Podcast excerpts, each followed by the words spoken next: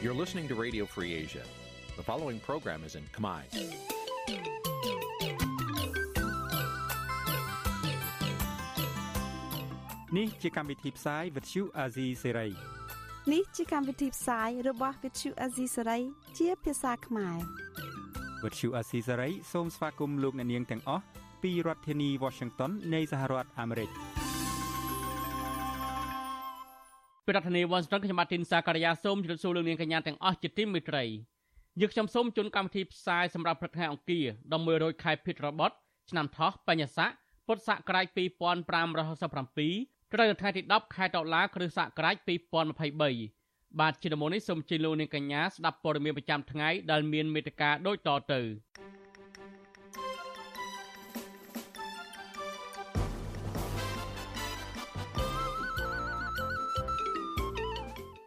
ជនជាតិចិនម្នាក់រិះគន់ថារដ្ឋាភិបាលកម្ពុជាប្រព្រឹត្តអំពើពុករលួយខ្លាំងបំផុតនៅលើពិភពលោក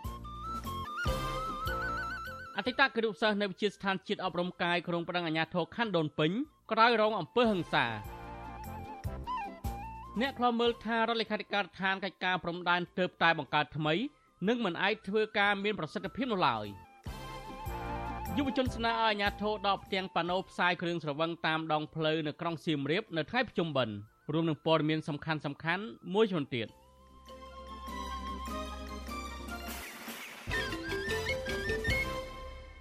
បាទលោកនាយទីមេត្រីជាបន្តទៅទៀតនេះខ្ញុំបាទទីនសាការីយ៉ាសូមជូនព័ត៌មានពុស្ដាអតីតគ្រូសិស្សនៅវិទ្យាស្ថានជាតិអប់រំកាយលោកកែវសវណ្ណរិទ្ធឲ្យដឹងថាលោកនឹងដាក់ពាក្យប្តឹងអាជ្ញាធរខណ្ឌដូនពេញដែលបានប្រើអំពើហិង្សាលើរូបលោកនិងអ្នកថតរូបលោកមន្ត្រីសង្គមស៊ីវិលចាត់ទុកថាការប្រើអំពើហិង្សាពីសំណាក់អាជ្ញាធរមកលើបរដ្ឋ ដែលគ្រាន់តែទាមទារតវ៉ាដោយសន្តិវិធីនេះគឺជាការរំលោភសិទ្ធិមនុស្សធ្ងន់ធ្ងរបាទប្រធានាធិបតីវ៉ាស៊ីនតោនលោកជីវិតារាយការណ៍ព័ត៌មាននេះ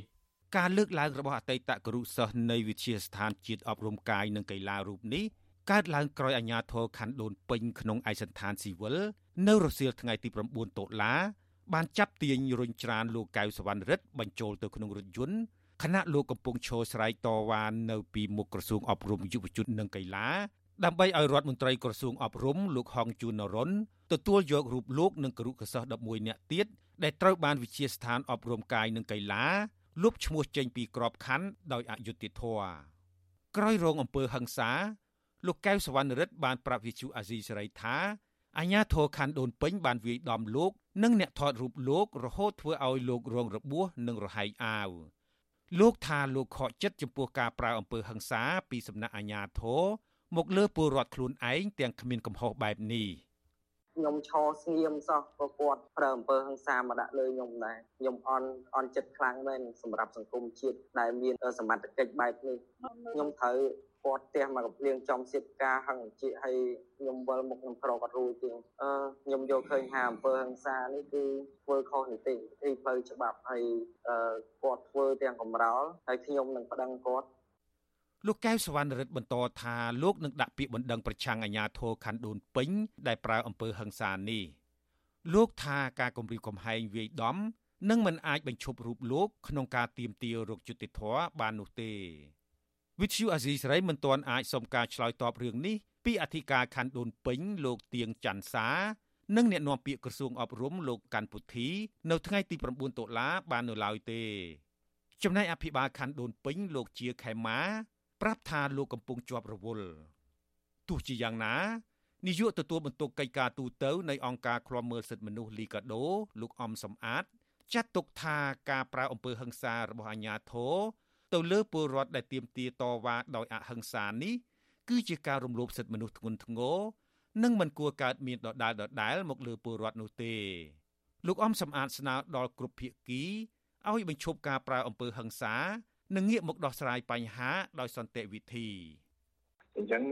ទោះក្នុងកលៈទេសៈណាក៏ដោយយើងជាអង្គការសង្គមស៊ីវិលមិនគ្រប់គ្រងនៅទង្វើហិង្សាណាមួយទេទោះបីជាកើតឡើងពីភាគីណាក៏ដោយជាពិសេស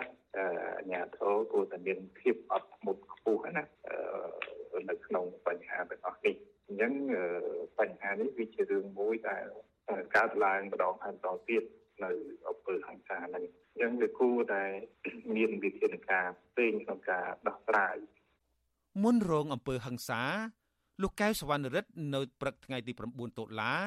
បានធ្វើដំណើរទៅកាន់ក្រសួងមុខងារសាធារណៈដើម្បីទៅសុំកិច្ចអន្តរាគមន៍លើការលុបឈ្មោះលោក និងអតីតគរុសិស្សផ្សេងទៀតចេញពីក្របខ័ណ្ឌប៉ុន្តែលោកកៅសវណ្ណរិទ្ធខកចិត្តក្រោយក្រសួងមុខងារសាធារណៈមិនផ្ដល់ដំណោះស្រាយជាក់លាក់ណាមួយចំពោះសំណើសុំកិច្ចអន្តរាគមន៍របស់លោកទៅកាន់លោកហ៊ុនម៉ាណីដែលជារដ្ឋមន្ត្រីក្រសួងមួយនេះកាលពីពីសប្តាហ៍មុន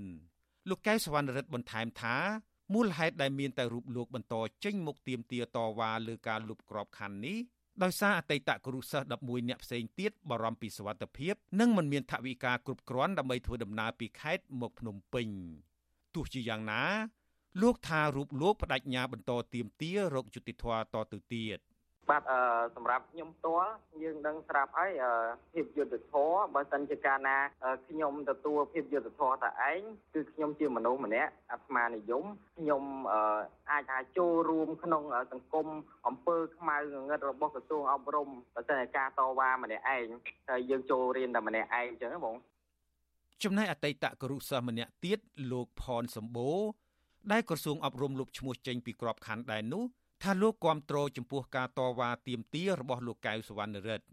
លោកផនសម្បូរថារូបលោកក៏ចង់ចូលរួមទាមទារតវ៉ាដែរប៉ុន្តែដោយសារលោករស់នៅខេត្តពោធិ៍សាត់និងជាប់រវល់ធ្វើការទើបធ្វើឲ្យលោកមិនអាចចូលរួមបាន។ ទី1នោះការស្នើសុំគឺចង់បានចង់ដឹងថាហេតុអីបានពួកគេដែលខុសលក្ខខណ្ឌនោះគេអាចរៀនបានតចប់ហើយឥឡូវចេញដំណើរការងារទៀតហើយខ្ញុំខុសលក្ខខណ្ឌដែរតែក្នុងលក្ខខណ្ឌតែពួកដូចគ្នាប៉ុន្តែហេតុអីគាត់លុបឈ្មោះថាពួកខ្ញុំចេញហើយពួកគេហ្នឹងនៅបានរៀនហើយចេញដំណើរការងារដល់ឥឡូវលោកកែវសវណ្ណរិទ្ធអាយុ20ឆ្នាំគឺជាអតីតគ្រូសិស្សម្នាក់នៃវិទ្យាស្ថានជាតិអប់រំកាយនិងកីឡា ដែលបានប្រឡងជាប់ស្ថាពរនៅថ្ងៃទី13ខែវិច្ឆិកាឆ្នាំ2021លោកកែវសវណ្ណរិទ្ធនិងអតីតគរុសិស្ស11នាក់ផ្សេងទៀតត្រូវបានលុបឈ្មោះចេញពីក្របខ័ណ្ឌកាលពីថ្ងៃទី28ខែធ្នូឆ្នាំ2021លោកកែវសវណ្ណរិទ្ធធ្លាប់ត្រូវបានកម្លាំងសន្តិសុខខណ្ឌដូនពេញប្រើអំពើហិង្សានិងចាប់អូសទាញចូលក្នុងរថយន្តម្ដងរួចទៅហើយកាលពីព្រឹកថ្ងៃទី21ខែសីហាកន្លងទៅខ្ញុំជីវិតាអាស៊ីសេរី បាទលោកនាយកទីមេត្រីនៅខេត្តប្រសេះនៅឯនោះវិញនៅស្របពេលដែលជនជាតិចិនបានចូលមកវិនិយោគកាន់តែច្រើននៅកម្ពុជានោះឥឡូវនេះជនជាតិចិនបានចោទអាជ្ញាធរខេត្តប្រសេះនៅថាបានប្រព្រឹត្តអំពើពុករលួយខ្លាំងជាងគេនៅលើពិភពលោកអាជ្ញាធរខេត្តប្រសេះនៅបានប្រមានចាត់វិធានការលើជនជាតិចិនម្នាក់បន្ទាប់ពីរិះគន់រដ្ឋាភិបាលកម្ពុជាថាប្រព្រឹត្តអំពើពុករលួយខ្លាំងជាងគេនៅលើពិភពលោកប្រតិកម្មរបស់អាជ្ញាធរខេត្តប្រសេះនៅនេះធ្វើឡើងបន្ទាប់ពីជនជាតិចិនម្នាក់អះអាងថា លោកជាជនរងគ្រោះក្នុងរឿងបែងចែកអចលនទ្រព្យជាមួយអតីតប្រពន្ធជនជាតិខ្មែរនិងរិះគន់ថាកម្រិតនៃការប្រព្រឹត្តអំពើពុករលួយរបស់រដ្ឋាភិបាលកម្ពុជាគឺហួសពីការស្មានវិនិយោគិនជនជាតិចិនម្នាក់នៅខេត្តប្រស័យហនុឈ្មោះយ៉ាងចាងថាវកាលពីថ្ងៃទី6ដុល្លារបានចូលបញ្ចេញមតិយោបល់ឬ comment ក្នុងទំព័រ Facebook របស់អតីតនាយករដ្ឋមន្ត្រីហ៊ុនសែននិងលោកនាយករដ្ឋមន្ត្រីហ៊ុនម៉ាណែតដែលរិះគន់ថារដ្ឋាភិបាលកម្ពុជាជារដ្ឋាភិបាលពុករលួយបំផុតក្នុងពិភពលោក ជនជាតិចិនរូបនេះរិះគន់ទៀតថាមន្ត្រីថ្នាក់ក្រោមក្នុងខេត្តប្រសេះហនុប្រព្រឹត្តអំពើពុករលួយហើយលោកអំពាវនាវឲ្យជនបរទេសទាំងអស់កុំមកវិនិយោគនៅកម្ពុជាជនជាតិចិនរូបនេះឲ្យដឹងតាមទំព័រ Facebook របស់លោកថាលោកបានចូលមករស់នៅក្នុងប្រទេសកម្ពុជាតាំងពីឆ្នាំ2007និងបានជួលអចលនទ្រព្យមួយចំនួននៅក្រុងប្រស័យហនុដើម្បីធ្វើជំនួញនិងបានសាងគ្រួសារជាមួយស្ត្រីជនជាតិខ្មែរកាលពីឆ្នាំ2010ប៉ុន្តែក្នុងឆ្នាំ2018លោកបានលែងលះគ្នា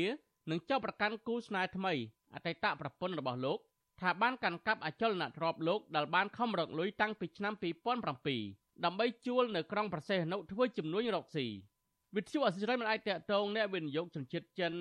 លោកយ៉ាងចាងថាវដើម្បីសុំសួរបន្ថែមអំពីបញ្ហានេះបានទេនៅថ្ងៃទី9ដុល្លារភ្លាមភ្លាមក្រោយពីលោកបានសរសេររិះគន់នោះរដ្ឋបាលខេត្តប្រសេះនុកាលពីថ្ងៃទី6ដុល្លារបានប្រកាសថា ការរិះគន់របស់វិនិយោគិនជនជាតិចិនគ្មានមូលដ្ឋានច្បាស់លាស់នោះទេហើយអះអាងថានឹងធ្វើឲ្យប៉ះពាល់ដល់កិត្តិយសរបស់រដ្ឋាភិបាលប្រពន្ធដដាលបញ្ជាក់ថាវិនិយោគិនជនជាតិចិនយ៉ាងចាងថាវកំពុងមានវិវាទដីធ្លីជាមួយអតីតប្រពន្ធហើយអាជ្ញាធរបានសម្រេចផ្អាកការចុះបញ្ជីក្បាលដីស្ថិតនៅក្នុងភូមិមួយសង្កាត់លេខ1ក្រុងប្រសេះហនុខេត្តប្រសេះហនុដើម្បីស្រាវជ្រាវនិងដោះស្រាយ រដ្ឋបាលខេត្តប្រសេះនុប្រមានចាត់វិធានការលើវិនិយោគិនជនជាតិចិនយ៉ាងចាងថាវបើសិនជានៅតែបន្តផ្សព្វផ្សាយឬរិះគន់រដ្ឋាភិបាលនោះជំវិញនឹងរឿងនេះអ្នកសមាជិកសម្រុកគម្រោងធុរកិច្ចនិងសិទ្ធិមនុស្សនៃមជ្ឈមណ្ឌលសិទ្ធិមនុស្សកម្ពុជាលោកវ៉ាន់សុផាត មានប្រសាសន៍ថាបញ្ហាវិវាទដីធ្លីនៅកម្ពុជា បន្តកើតមានច្រើនដោយសារតែគម្រោងអភិវឌ្ឍមួយចំនួនគ្មានដំណាភាពហើយវិវាទដីធ្លីខ្លះមិនត្រូវបានដោះស្រាយនោះទេ ដោយសារតែអាចមានជាប់ពាក់ព័ន្ធនឹងផលប្រយោជន៍របស់អាជ្ញាធរលោកបន្ថែមថាអាជ្ញាធរគួរតែស៊ើបអង្កេតករណីនេះហើយបើសិនជាអ្នកវិនិយោគជនជាតិចិនពិតជារងគ្រោះមែននោះអាជ្ញាធរគួរតែដោះស្រាយប្រកបដោយតម្លាភាពដើម្បីធានាដល់ជនជាតិបរទេសផ្សេងទៀតមានទំនុកចិត្ត ក្នុងការចូលមកវិនិយោគលើវិស័យអចលនទ្រព្យនៅក្រុងប្រស័យហនុចំដែលគាត់លើកឡើងនេះអានឹងមានតែគាត់ទេដឹងច្បាស់ពីបញ្ហាហ្នឹងណាតាមមួយសម្រាប់អ្នកវិនិយោគទុនក្រោយក្រោយទៀតឬមួយក៏អ្នកដែលកំពុងវិនិយោគទៅដល់ក៏ត្រូវតែមានការប្រុងប្រយ័ត្នហើយនឹងធ្វើម៉េចធ្វើការវិនិយោគអនុលោមទៅតាមដីណែនាំរបស់ការផាកទៀតស្ដីពីធុរកិច្ចនិងសិទ្ធិមនុស្សអានឹងបានគាត់មាននិរន្តរភាពកន្លងទៅអតីតនាយករដ្ឋមន្ត្រីហ៊ុនសែនតែងតែលើកទឹកចិត្តឲ្យពលរដ្ឋដែលមានបញ្ហា ហើយបើសិនជាអាជ្ញាធរមិនយកចិត្តទុកដាក់ដោះស្រាយពួកគេអាចរាយការណ៍ឬជូនដំណឹងទៅកាន់រូបលោកតាមរយៈ Facebook ផ្លូវការរបស់លោកដើម្បីរកដំណោះស្រាយករណីជនជាតិចិនដែលហ៊ានផ្ញើសារទៅកាន់អតីតនាយករដ្ឋមន្ត្រី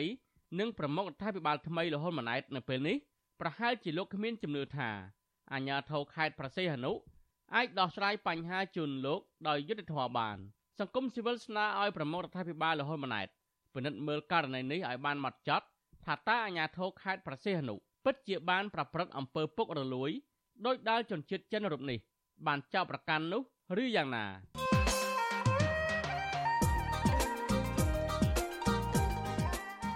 លោកអ្នកនាងជាទីមេត្រីប្រមុខដឹកនាំកម្ពុជា តែងតែប្រកាសឲ្យប្រជាពលរដ្ឋខ្មែររួមសុខរួមទុក្ខជាមួយពលរដ្ឋនៃប្រទេសដែលពួកគាត់កំពុងស្នាក់នៅបើទោះបីជាពួកគាត់ប្រឈមនឹងគ្រោះថ្នាក់ដល់អាយុជីវិតក៏ដោយ ករណីចុងក្រោយនេះនិស្សិតខ្មែរម្នាក់បានស្លាប់និងរាប់រយនាក់ផ្សេងទៀតកំពុងប្រឈមគ្រោះថ្នាក់ដោយសារការវាយប្រហារគ្នារវាងក្រុមប្រដាប់អាវុធហាម៉ាស់នៅប្រទេសអ៊ីស្រាអែលនិងតំបន់កាហ្សាដែលអាចឈានដល់ការផ្ទុះសង្គ្រាមក្នុងតំបន់ក៏ប៉ុន្តែលោកហ៊ុនសែនដែលជាអ្នកដឹកនាំមានអំណាចផុតលេខនៅកម្ពុជាបែរជាប្រកាសថានឹងមិនជំលះក្រុមនិស្សិតទាំងនោះមកកម្ពុជាវិញឡើយបើគ្មានការសំណុំពរពីអាជ្ញាធរអ៊ីស្រាអែល តើរដ្ឋាភិបាលមានកាតព្វកិច្ចបែបណានៅក្នុងការជួយសង្គ្រោះជីវិតពលរដ្ឋរបស់ខ្លួនឬក៏ត្រូវចាំមើលពួកគាត់គ្រោះថ្នាក់សិនទើបស្ទុះស្ទាររកដំណោះស្រាយតាមក្រោយនោះបាទនេះជាប្រធានបទនៃវេទិកាអ្នកស្ដាប់វិទ្យុអាស៊ីសេរីនៅយប់ថ្ងៃអង្គារទី10ខែតុលានេះហើយវាគ្មិនកិត្តិយសរបស់នេតិយើងគឺលោកសំរងស៊ីប្រធានស្ដីទីនៃគណៈបកសង្គ្រោះជាតិ បាទប្រសិនបើលោកអ្នកនាងមានសំណួរចង់សាកសួរវាគ្មិនរបស់យើងឬចង់បញ្ចេញមតិយោបល់សូមលោកអ្នកនាងដាក់លេខទូរស័ព្ទរបស់លោកអ្នកនាងនៅក្នុងខ្ទង់ comment Facebook និង YouTube របស់ Vuthu Azizi Serai ដែលយើងកំពុងផ្សាយផ្ទាល់នៅពេលនេះបាទក្រុមការងាររបស់យើងនឹងហៅទៅលោកអ្នកនាងវិញ បាទសូមអរគុណ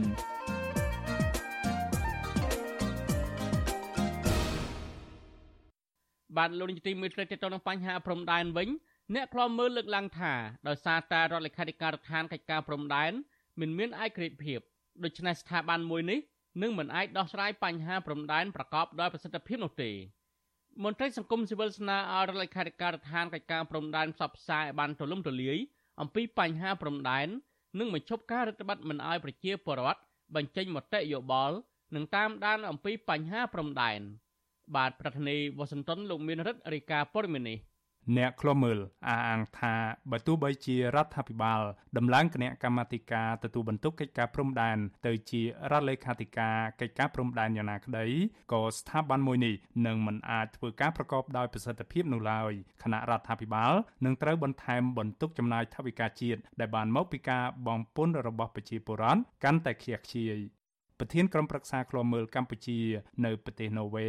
លោកម៉ែណាតមានប្រសាសន៍ថាប៉ះសិនបារដ្ឋាភិបាលនៅតែមិនលុបចោលសន្ធិសញ្ញាបំពេញបន្ថែមទ្វេភាគីជាមួយប្រទេសជិតខាង ដែលផ្ទុយពីមាត្រា2នៃរដ្ឋធម្មនុញ្ញនិងផ្ទុយពីកិច្ចព្រមព្រៀងសន្តិភាពក្រុងប៉ារីឆ្នាំ1991នោះទេ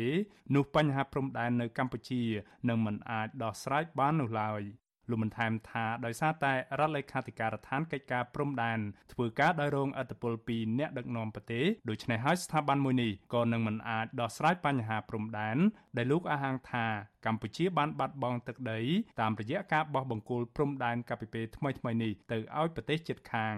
អ្វីដែលលោកហ៊ុនសែនធ្លាប់បានធ្វើអញ្ចឹងបានន័យថាជួយការពារផលប្រយោជន៍វៀតណាមដែរពីព្រោះលោកហ៊ុនសែនគាត់ធ្វើសម្បទានទឹកដីព្រំដែនដោយវៀតណាមមិនថាទឹកដីព្រំដែនគោក បច្ចុប្បន្នហ្នឹងទេក៏ដូចជាទឹកដីព្រំដែនទឹកដូចជាដែនសមុទ្រកោះត្រល់ចង្កោមកោះកញ្ចក់សេះអីហ្នឹងដែនទឹកវត្តសាស្ត្រអីដែលតាមមានសរសេរនៅក្នុងកិច្ចព្រមព្រៀងឆ្នាំ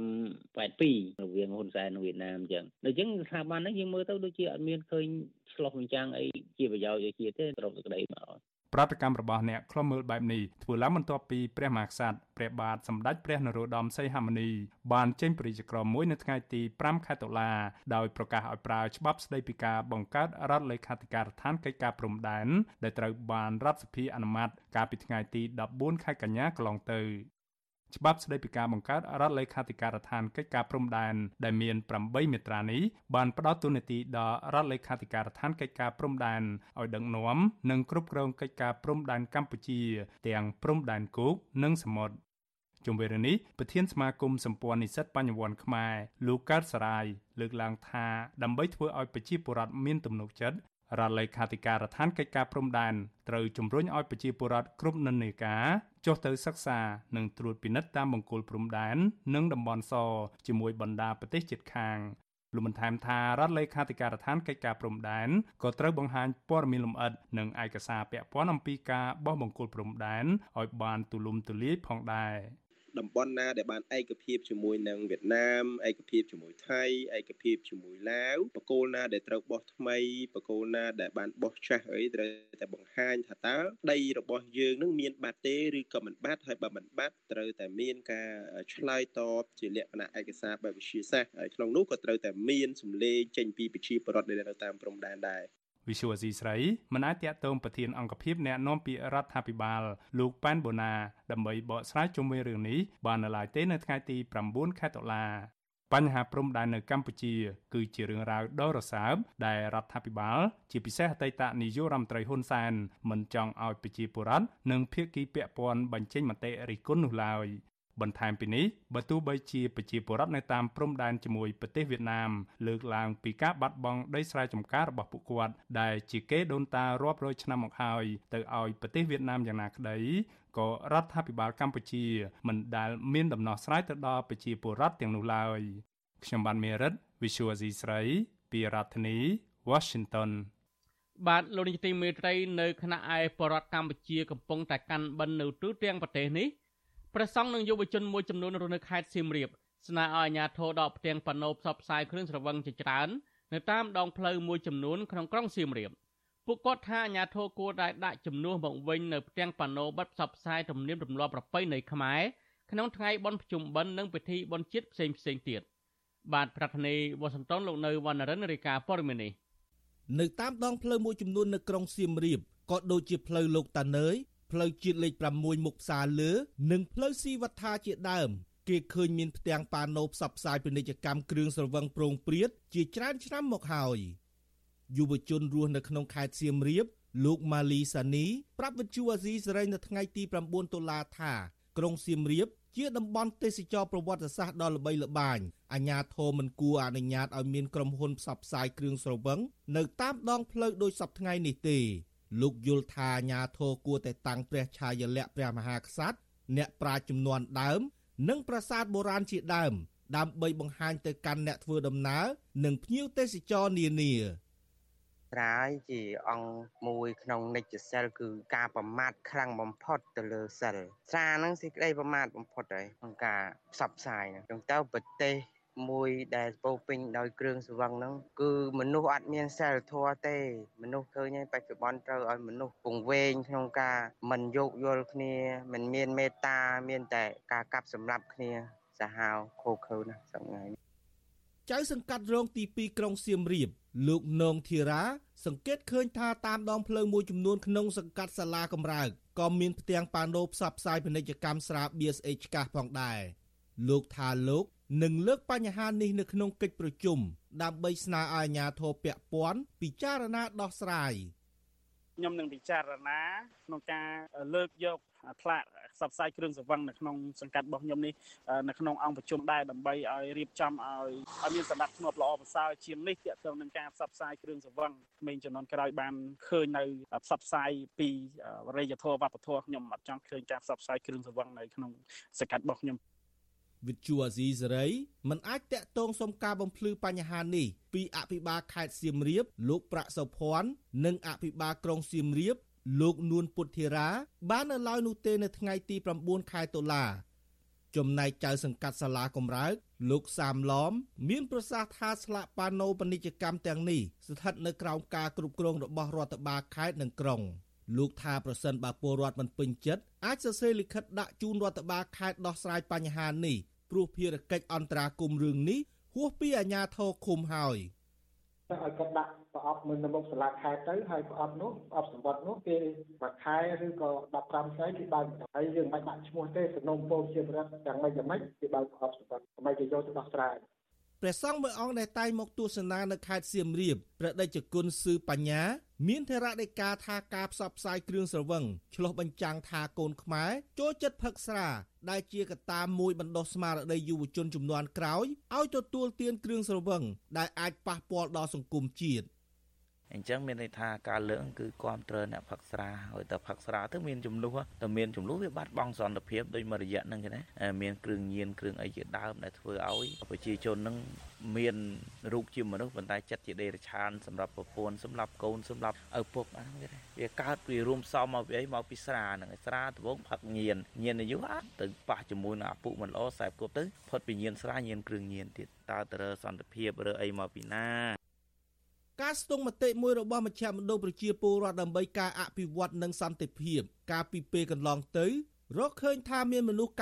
90%បានឃើញការផ្សព្វផ្សាយផលិតផលគ្រឿងសង្វឹងនៅតាមមធ្យោបាយផ្សេងផ្សេងក្នុងចំណោមអ្នកដែលបានឃើញការផ្សព្វផ្សាយនោះមាន70%ឆ្លើយថាពួកគេចង់សាកល្បងឬផឹកគ្រឿងស្រវឹងដែលពួកគេបានមើលឃើញនៅលើផ្ទាំងផ្សព្វផ្សាយនោះ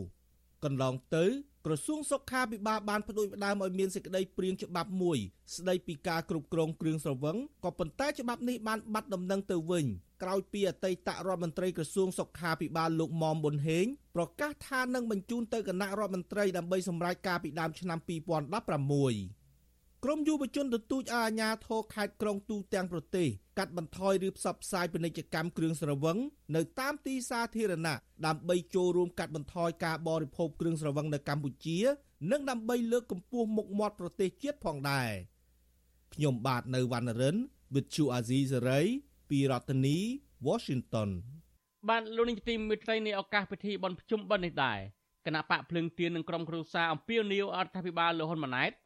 ដោះលែងអ្នកទោសនយោបាយឲ្យមានសេរីភាពមកជួបជុំសាច់ញាតិក្នុងឱកាសពិធីបុណ្យភ្ជុំបិណ្ឌប្រពៃណីជាតិពីព្រោះការខំខ្លួនពួកគាត់នៅក្នុងពន្ធនាគារកន្លងមកនោះគឺជារឿងអយុត្តិធម៌មិនសមនឹងកំហុសរបស់អ្នកទោសមនសិការទាំងអស់នោះឡើយទន្ទឹមនឹងនេះមន្ត្រីសិទ្ធិមនុស្សជំរុញអរដ្ឋាភិបាលទទួលយកសំណើពួកគាត់ទៅពិនិត្យដោះស្រាយដើម្បីផលប្រយោជន៍ប្រទេសជាតិ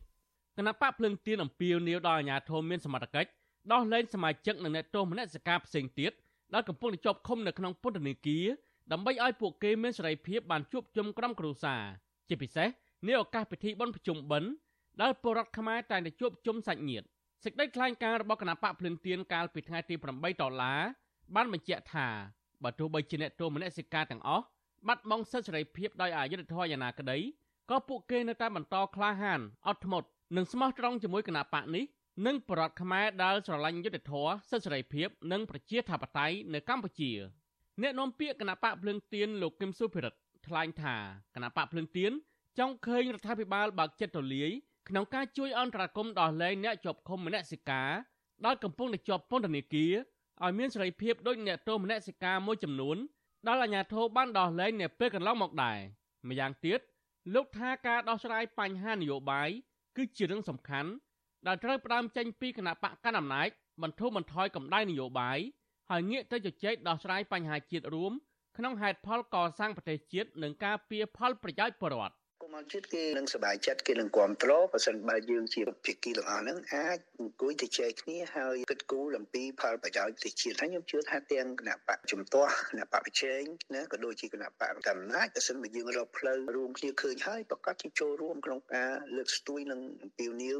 ឲ្យសហគមន៍អន្តរជាតិបន្តជួយគ្រប់គ្រងទីកម្ពុជាយើងទាំងផ្នែកនយោបាយទាំងផ្នែកការទូតទាំងផ្នែកសេដ្ឋកិច្ចចំណែកឯក្រុមគ្រួសារសកម្មជនគណៈបកប្រឆាំងដែលកំពុងតែជាប់ឃុំ ក៏ស្នើដល់រដ្ឋាភិបាលលហ៊ុនម៉ាណែតឲ្យដោះលែងសមាជិកក្រុមគ្រួសាររបស់ពួកគេឲ្យមានសេរីភាពឡើងវិញដែរពីព្រោះការចាប់ឃុំសកម្មជននយោបាយដែលគ្មានកំហុសឲ្យរងទុក្ខបែកបាក់ក្រុមគ្រួសារអស់រយៈពេលជាង1ឆ្នាំមកនេះគឺជាការដាក់ទណ្ឌកម្មផ្លូវចិត្តមួយដ៏ឈឺចាប់សម្រាប់អ្នកស្នេហាជាតិកូនស្រីមន្ត្រីគណៈបកសង្គ្រោះជាតិខណ្ឌពោធិ៍សែនជ័យរាជធានីភ្នំពេញលោកហេងច័ន្ទសុធី គឺកញ្ញាហេងបូរីដែលតែងតែចេញតវ៉ាស្វែងរកយុត្តិធម៌ជូនឪពុកនោះ បានរៀបរាប់ដោយទឹកភ្នែករលីងរលោងនៅពេលនិយាយរៀបរាប់អំពីឪពុករបស់នាងកញ្ញាឲ្យដឹងថារយៈពេលជាង3ឆ្នាំមកនេះគ្រួសាររបស់កញ្ញារស់នៅឈឺចាប់ដោយសារតែអាញាធររបស់រដ្ឋាភិបាលចោទប្រកាន់ចាប់ខ្លួនឪពុករបស់កញ្ញាដាក់ពន្ធនាគារក្រោមហេតុផលនយោបាយកញ្ញាចង់ជួបឪពុកដោយក្រុមគ្រួសារបរិបផ្សេងទៀតនាឱកាសពិធីបុណ្យភ្ជុំបិណ្ឌនេះដែរដូច្នេះកញ្ញាស្នើដល់រដ្ឋាភិបាលប្រកុលសេរីភាព និងផ្ដល់ភាពស្អាតសមដល់ឪពុករបស់កញ្ញាវិញគឺជារដូវបិណ្ឌភ្ជុំនេះខ្ញុំមានអារម្មណ៍ថាក្តោះក្ដួលនឹងខ្លោចចិត្តខ្លាំងមែនតែនពេលដែលងាកទៅឃើញក្រុមគ្រួសារគេជួបជុំគ្នាចំណែកឯគ្រួសារខ្ញុំគឺมันបានជួបជុំគ្នាជាច្រើនឆ្នាំមកហើយហើយអ្វីដែលឈឺចាប់ខ្លាំងបំផុតគឺឪពុករបស់នេះខ្ញុំត្រូវជាប់ឃុំទាំងអយុត្តិធម៌បំផុតទាំងដែលរូបគាត់មិនបានធ្វើអ្វីខុសទៅទៅសោះ ប្រហាក់ប្រហែលគ្នាដែរកូនស្រីមន្ត្រីគណៈបកភ្លើងទៀនប្រចាំនៅក្រុងប៉ោយប៉ែតលោកចៅវាសនាគឺអ្នកស្រីចៅរតនៈបានលើកឡើងថាអ្នកស្រីសង្វេគចិត្តពេលឃើញគ្រូសាអ្នកផ្សេង បានជួបជុំសាច់ញាតិបងប្អូនយកចង្ហាន់ទៅវត្តសប្បាយរីករាយក្នុងពិធីបុណ្យកាន់បិណ្ឌតែឪពុករបស់អ្នកស្រីវិញកំពុងជាប់ឃុំក្នុងពន្ធនាគារទាំងគ្មានកំហុសខ្ញុំមាន ការអំពាវនាវទៅដល់រាជរដ្ឋាភិបាលគួរណាតែដោះលែងទៅដល់អ្នកទស្សនកិច្ចទាំងអស់អ្នកទស្សនយោបាយទាំងអស់ដែលគាត់មិនមានកំហុសអីប៉ះពាល់ដល់ធំដុំដល់ប្រទេសជាតិទេចាសូមឲ្យដោះលែងឲ្យគាត់នៅក្រៅឃុំដើម្បីជួបគ្រួសារគាត់ទៅគាត់ក៏មានគ្រួសារដែលគាត់ស្រឡាញ់ដូចគ្នាខ្ញុំក៏គ្រួសារពួកខ្ញុំក៏មានដូចគ្នាហើយការទៅជួបគ្នានៅក្នុងពន្ធនាគារគឺអត់មែនជារឿងសេចក្តីរំភើបរីករាយទេចាជារឿងទុកសោកមួយ ការអំពាវនាវនេះនៅស្របពេលដែលសហរដ្ឋអាមេរិកកាលពីពេលថ្មីថ្មីនេះបានជំរុញឲ្យលោកហ៊ុនម៉ាណែតនិងរដ្ឋាភិបាលថ្មីបើកលំហសិទ្ធិសេរីភាពបរដ្ឋឡើងវិញដើម្បីធានាថាប្រជាពលរដ្ឋខ្មែរទាំងអស់អាចចូលរួមបានដោយសេរីក្នុងដំណើរការនយោបាយហើយដោះលែងបកគលនិងសកម្មជននយោបាយដែលកំពុងតែជាប់ឃុំឲ្យមានសេរីភាពឡើងវិញវិទ្យុអសិរ័យមិនអាចតកតងប្រធានអង្គភិបអ្នកនាំពាក្យរដ្ឋាភិបាលលោកប៉ែនម៉ូណានិងអ្នកនាំពាក្យក្រសួងយុទ្ធភ័ពលោកចិនម៉ាលីន ដើម្បីសំសួរអំពីបញ្ហានេះបានទេនៅថ្ងៃទី9ដុល្លារជុំវិញនឹងរឿងនេះប្រធានសមាគមការពារសិទ្ធិមនុស្សអាត6លោកនីសុខា លើកឡើងថាគ្រូសាសកម្មជនគណៈបកប្រឆាំងដែលកំពុងតែជាប់ឃុំតែតែចេញតស៊ូមតិក្នុងទម្រង់ផ្សេងផ្សេងដោយសន្តិវិធីដើម្បីស្នើសុំរដ្ឋាភិបាលអន្តរាគមន៍ដោះលែងអ្នកទោសនយោបាយទាំងអស់ឲ្យមានសេរីភាពឡើងវិញលោកនេះសុខាជំរុញដល់រដ្ឋាភិបាលថ្មី ស្ដារលទ្ធិប្រជាធិបតេយ្យហើយដោះលែងសកម្មជនទាំងនោះ ឲ្យបានជួបជុំគ្រួសារในឱកាសបុណ្យទានដើម្បីកុំឲ្យបរតខ្មែរទទួលរងនៅការឈឺចាប់បន្តទៀតចង់ឃើញរដ្ឋាភិបាលថ្មីនឹងធូរបន្ថយតកតទៅនឹងការបន្ទន់អេរិយាប័តនៅក្នុងការងាកមករក ភាពស្រស់ស្រួលជាតិបង្រួបបង្រួមជាតិឈរលើស្មារតីនៃកិច្ចប្រំព្រៀងសន្តិភាពទីក្រុងប៉ារីសបីឲ្យខ្មែរយើងអាចជានីផ្សះផ្សាជាតិជាមួយគ្នាដើម្បីចូលរួមចំណែកក្នុងការអភិវឌ្ឍប្រទេសជាតិជាមួយគ្នាកុំឲ្យមានបង្កជាចំនួននយោបាយតទៅទៀតងាកមកធ្វើការគួតប្រជែងគ្នាតាមរយៈរៀបចំការបោះឆ្នោតដែលប្រព្រឹត្តទៅឡើងដោយសេរីត្រឹមត្រូវយុត្តិធម៌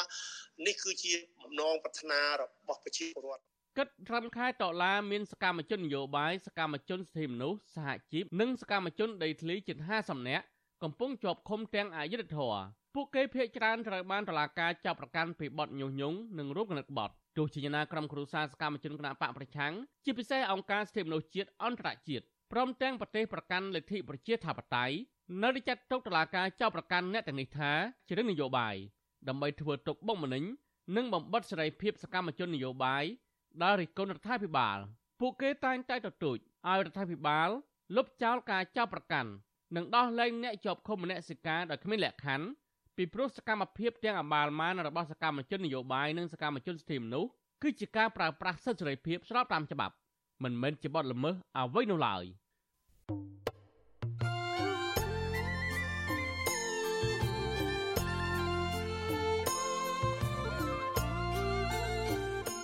បាទលោកនាយកទីមេត្រីវិទ្យុអសិរ័យផ្សាយតាមរលកធាតុអាកាសខ្លីតាមកម្រិតនិងកម្ពស់ដូចតទៅនេះ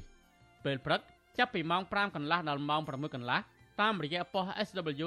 12.14 MHz ស្មើនឹងកម្ពស់ 25m និងប៉ុស SW 13.71 MHz ស្មើនឹងកម្ពស់ 22m ពេលយប់ចាប់ពីម៉ោង7កន្លះដល់ម៉ោង8កន្លះតាមរយៈប៉ុស SW 9.33 MHz ស្មើនឹងកម្ពស់ 32m ប៉ុស SW 11.88 MHz ស្មើនឹងកម្ពស់ 25m និងប៉ុស SW 12.15 MHz ស្មើនឹងកម្ពស់ 25m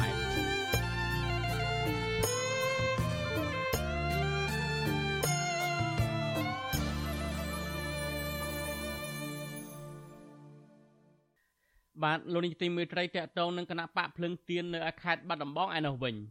មន្ត្រីគណៈបកភ្លឹងទៀនខេត្តបាត់ដំបងអះអាងថា អញ្ញាធិគណៈបកកណ្ដាលអំណាចបានដើរអូសទាញសមាជិកក្រុមប្រឹក្សាឃុំសង្កាត់គណៈបកខ្លួនឲ្យចោះចូលនិងបោះឆ្នោតឲ្យគណៈបកប្រជាជនកម្ពុជាអ្នកនាំពាក្យគណៈបកកណ្ដាលអំណាចថាគណៈបកប្រឆាំងគួរតែរកភ័ស្តុតាងដាក់បណ្ដឹងទៅស្ថាប័នពាក់ព័ន្ធប្រសើរជាងការចោទប្រកាន់ដោយឥតប្រយោជន៍បាទពីរដ្ឋធានីវ៉ាស៊ីនតោនលោកលេងម៉ាលីរាយការណ៍ព័ត៌មាននេះមន្ត្រីគណៈបកភ្លើងទៀនខេត្តបាត់ដំបងព្រួយបារម្ភអំពីការដើរអូសទាញនិងទិញទឹកចិត្តសមាជិកក្រុមប្រឹក្សាឃុំសង្កាត់ ពីសំណាក់បកកណ្ដាលអំណាចនេះថានឹងធ្វើឲ្យប៉ះពាល់ដល់លទ្ធផលនៃការបោះឆ្នោតជ្រើសតាំងសមាជិកព្រឹទ្ធសភានៅពេលខាងមុខប្រធានប្រតិបត្តិគណៈបកភ្លើងទៀនខេត្តបាត់ដំបងលោកភូសវណ្ណថាប្រាប់វិទ្យុអស៊ីសេរីនៅថ្ងៃទី9តុលាថាមួយរយៈពេលចុងក្រោយនេះអាជ្ញាធរគណៈបកកណ្ដាលអំណាចបានដើរបញ្ចុះបញ្ចូលក្រុមប្រឹក្សាឃុំសង្កាត់របស់គណៈបកភ្លើងទៀន ឲ្យបោះឆ្នោតនិងចុះចូលជាមួយគណៈបកប្រជាជនកម្ពុជា ដើម្បីជាធ្នូរក្សាតំណែងនៅដដែលលោកចាត់ទុកសកម្មភាពរបស់អាជ្ញាធរបកកណ្ដាលអំណាចនេះថាជាការធ្វើនយោបាយស្មោកគ្រោកដោយឥតកេរខ្មាស់តែសម្រាប់ពួកគាត់ដែលស្មោះត្រង់មួយគណៈបក គាត់មិនខ្លាចនៅការគម្រាមកំហែងអីផ្សេងផ្សេងការគម្រាមកំហែងសូមបញ្ជាក់ទៀតគាត់លើកតែឧទាហរណ៍ថាបន្តិចទៀតគណៈបកភ្លើងទៀននេះគេរំលាយចោលអត់អាចចូលរួមបោះឆ្នោតពេលខាងមុខទេអញ្ចឹងទេសូមឲ្យបោះឆ្នោតដោយគណៈបព្វជិជនទៅកុំឲ្យទុកសិលឹកឆ្នោតចោលគេនឹងផ្ដល់លៀបសកាលៈលើអំពីប្រាក់ឧបត្ថម្ភដែលគាត់ធ្វើការសាលាឃុំរាល់ថ្ងៃនឹងគេរក្សាភាពសម្ងាត់ឲ្យទៀតកន្លែងខ្លះអញ្ចឹងហើយនេះជាការព្រួយបារម្ភខ្លាំងមែនទែនសម្រាប់ខេត្តបាត់ដំបងខ្ញុំនេះ វិទ្យុអស៊ីសេរីមិនអាចតាក់ទងអភិបាលខេត្តបាត់ដំបងលោកសុកលូដើម្បីសុំសេចក្តីអធិប្បាយជំវិញការចោទប្រកាន់នេះបានទេ នៅថ្ងៃទី9តុលាក៏ប៉ុន្តែអ្នកនាំពាក្យគណៈបកប្រជាជនកម្ពុជា លោកឈឹមផលវិរុនប្រាប់វិទ្យុអស៊ីសេរីយ៉ាងខ្លីថាក្រុមបកប្រឆាំងប្រើភាសាដដែលដដែលដូច្នេះលោកមិនឆ្លើយតបនោះទេនឹងបានណែនាំឲ្យមន្ត្រីបកប្រឆាំងដាក់ផោះតាងប្តឹងទៅស្ថាប័នពាក់ព័ន្ធប្រសើរជាង។ យើងទៅរៀបរៀងទៅឆ្លើយតបស្អីតាមនេះទៅហើយបើគណៈបកភ្លើងទៀនគាត់មានផោះតាងគាត់គួរតែប្រើសិទ្ធិប្តឹងទៅស្ថាប័នមានសមត្ថកិច្ចនៅក្នុងនោះគឺមានក្រសួងមហាផ្ទៃពាក់ព័ន្ធអាជ្ញាធរឬការបំពេញច្បាប់ជាក់លាក់ដឹងទៅតុលាការទៅចប់ហើយយើងមានស្អីប៉ុណ្ណឹងបាទទោះជាយ៉ាងណាក្តីមន្ត្រីសម្របសម្រួលសមាគមការពារសិទ្ធិមនុស្ស ad hoc ប្រចាំខេត្តបាត់ដំបងនិងបៃលិន លោកយិនមេងលីមានប្រសាសន៍ថាការដើរអូសទាញឬទិញទឹកចិត្តក្រុមប្រឹក្សាឃុំសង្កាត់ឲ្យបោះឆ្នោតជូនគណៈបកណាមួយជាទង្វើខុសច្បាប់ លោកបន្ថែមថាបញ្ហានេះតែងតែកើតមានជារៀងរាល់ពេលគៀករដូវកាលបោះឆ្នោតម្ដងម្ដង។ នៅក្នុងការលក់ទិញវានឹងធ្វើឲ្យគណៈបកចុះខ្សោយវាអាចធ្វើឲ្យមានការបាត់បង់ជំនឿអីចឹងទៅអញ្ចឹងដូចខ្ញុំបញ្ជាក់អញ្ចឹងថាគណៈបកតតែពង្រឹងខ្លួនឯងឡើងវិញពាក់ព័ន្ធបញ្ហាហ្នឹងខ្លួនឯងក៏ទៅពង្រឹងហើយពិនិត្យទៅលើអង្គច្បាប់ទៀតថាតើអំពើហ្នឹងវាត្រឹមត្រូវតាមផ្លូវច្បាប់ឬខុសច្បាប់ឲ្យខ្លួនអាចមានសិទ្ធិក្នុងការប្តឹងយ៉ាងម៉េចទៅតាមអង្គច្បាប់នេះមន្ត្រីបកប្រឆាំងឲ្យដឹងថាក្រៅពីការដើរអូសទាញសកម្មជនហើយអាជ្ញាធរមូលដ្ឋានខ្លះក៏មិនព្រមចុះហត្ថលេខា បដូរសមាជិកក្រុមប្រឹក្សាឃុំឲ្យគណៈបកភ្លើងទៀនឡើយកាលពីថ្ងៃទី28សីហាមន្ត្រីគណៈបកភ្លើងទៀនបានដាក់ពាក្យស្នើសុំទៅមេឃុំស្នឹងស្រុកបាណន់ខេត្តបាត់ដំបងដើម្បីបដូរសមាជិកជំទប់ទី2ឃុំស្នឹងប៉ុន្តែរហូតមកដល់ពេលនេះមេឃុំស្នឹងមិនទាន់ដោះស្រាយបាននៅឡើយទេរីឯមន្ត្រីគណៈបកភ្លើងទៀននៅខេត្តកណ្ដាលកាលពីថ្ងៃទី1ខែកញ្ញាកន្លងទៅក៏បានប្តឹងទៅក្រសួងមហាផ្ទៃ ដើម្បីឲ្យជួយធ្វើអន្តរាគមន៍ករណីចៅសង្កាត់ស្វាយរលំក្រុងទឹកខ្មៅខេត្តកណ្ដាលដែលមិនព្រមចុះហត្ថលេខាលើឯកសារបដូរសមាជិកចៅសង្កាត់រងទី2ដែរសកម្មភាពរបស់អាជ្ញាធរបកកណ្ដាលអំណាចធ្វើបែបនេះគឺស្របពេលដែលការបោះឆ្នោតជ្រើសតាំងសមាជិកព្រឹទ្ធសភានេតកាលទី5នឹងប្រព្រឹត្តទៅនៅថ្ងៃទី25ខែកុម្ភៈឆ្នាំ2024ខាងមុខច្បាប់ស្តីពីការបោះឆ្នោតជ្រើសតាំងសមាជិកព្រឹទ្ធសភាមាត្រា10ចែងថា អ្នកបោះឆ្នោតនិងអង្គបោះឆ្នោតគឺជាតំណាងរាស្ត្រក្នុងតំណែងនិងជាសមាជិកក្រុមប្រឹក្សាឃុំសង្កាត់ទាំងអស់ក្នុងតំណែងមន្ត្រីសង្គមស៊ីវិលលើកឡើងថាបញ្ហានេះប្រសិនបើគណៈបកកាន់អំណាចអនុវត្តបានជោគជ័យនឹងធ្វើឲ្យប៉ះពាល់ដល់លទ្ធផលនៃការបោះឆ្នោតរបស់គណៈបកភ្លើងទៀននៅពេលខាងមុខខ្ញុំបាទលេងម៉ាលីវិទ្យុអាស៊ីសេរី Washington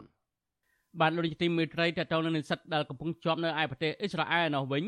និស្សិតខ្មែរ3រូបដែលនៅជិតតំបន់ប្រយុទ្ធគ្នាក្នុងប្រទេសអ៊ីស្រាអែលកំពុងតែផ្លាស់ទីទៅរកទីកន្លែងមានសុវត្ថិភាពនិងស្នើអរដ្ឋាភិបាលបញ្ជូនពួកគេត្រឡប់មកកម្ពុជាវិញជាបន្ទាន់ឆ្លើយតបនឹងការស្នើសុំនេះអតីតនាយករដ្ឋមន្ត្រីកម្ពុជាលោកហ៊ុនសែនលើកឡើងថាមិនទាន់ដល់ពេលទៅវិញ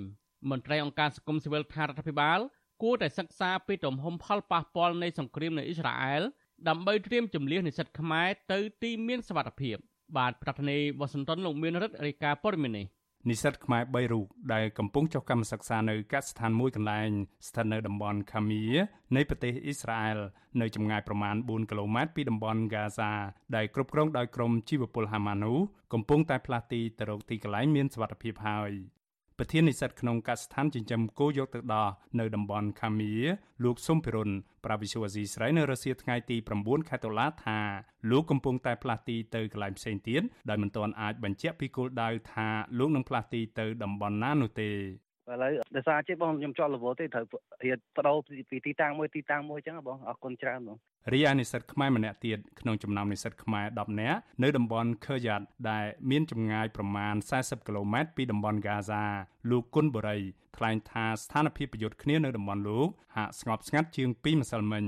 វាលឺសលេងពីកន្លែងគេបាញ់មកប៉ុន្តែវាអត់បាញ់មកដល់កន្លែងចិត្តចិត្តតំបន់ពួកខ្ញុំទេប៉ុន្តែថ្ងៃទី1លើបាញ់មក ក្បែរក្បែរតំបន់នេះដែរប៉ុន្តែចាប់ពីថ្ងៃទី2មកដល់ថ្ងៃទី3នេះអត់មាន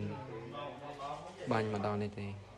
ចំណែកឯនិស្សិតខ្មែរកំពុងសិក្សាផ្នែកកសិកម្មនៅសាលា Sedon Negeo Agriculture Center ដែលមានចម្ងាយប្រមាណ17គីឡូម៉ែត្រពីតំបន់ Gaza កញ្ញាឌូស៊ូចិនប្រាវិសុវស៊ីស្រីថាមកទល់ពេលនេះស្ថានភាពនៅតំបន់នោះត្រឡប់ទៅរកភាពស្ងប់ស្ងាត់ឡើងវិញហើយក្រោយពីទាហានអ៊ីស្រាអែលអាចគ្រប់គ្រងស្ថានភាពបាន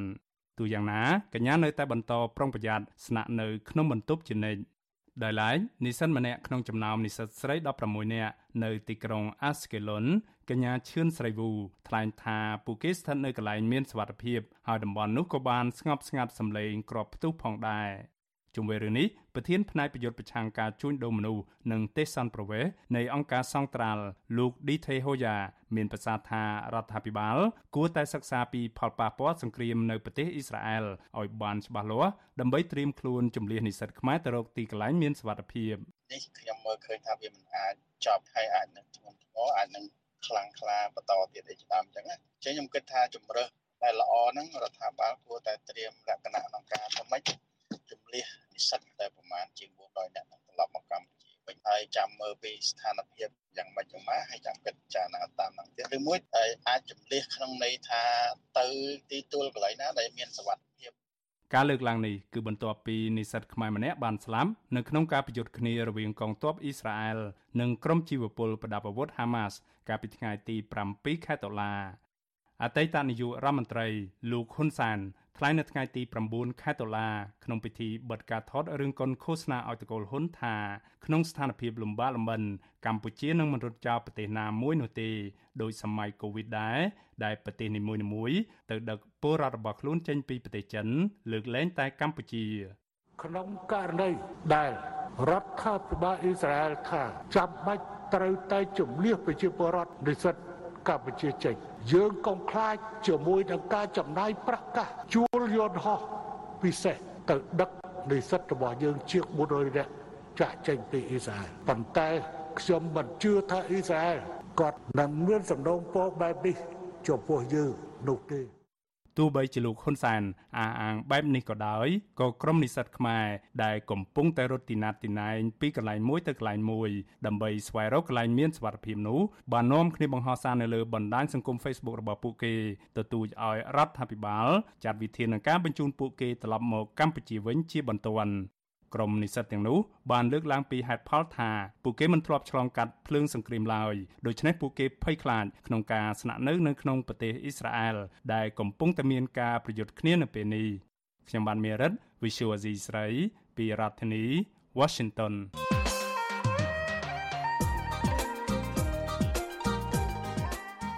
លោកអ្នកនាងជាទីមេត្រីប្រមុខដឹកនាំកម្ពុជា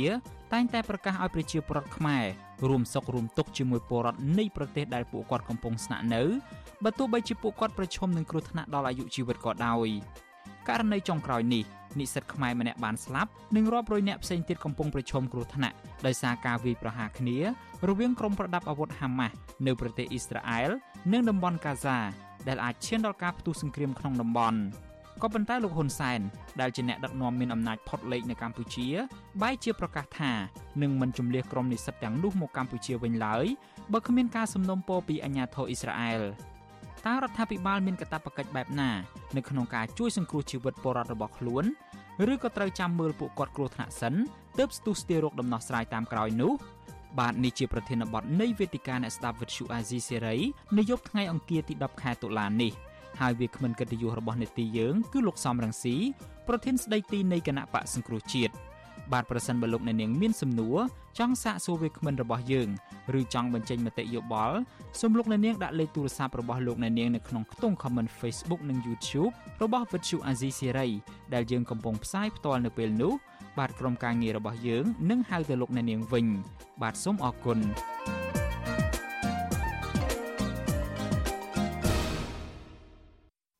បានលោកនេះទីមួយត្រីទៅទៅនឹងប្រាក់ខែគ្រូបង្រៀនវិញសង្គមស៊ីវិលលើកឡើងថាបើសិនជារដ្ឋាភិបាលចង់ពង្រឹងវិស័យអប់រំឲ្យរឹងមាំ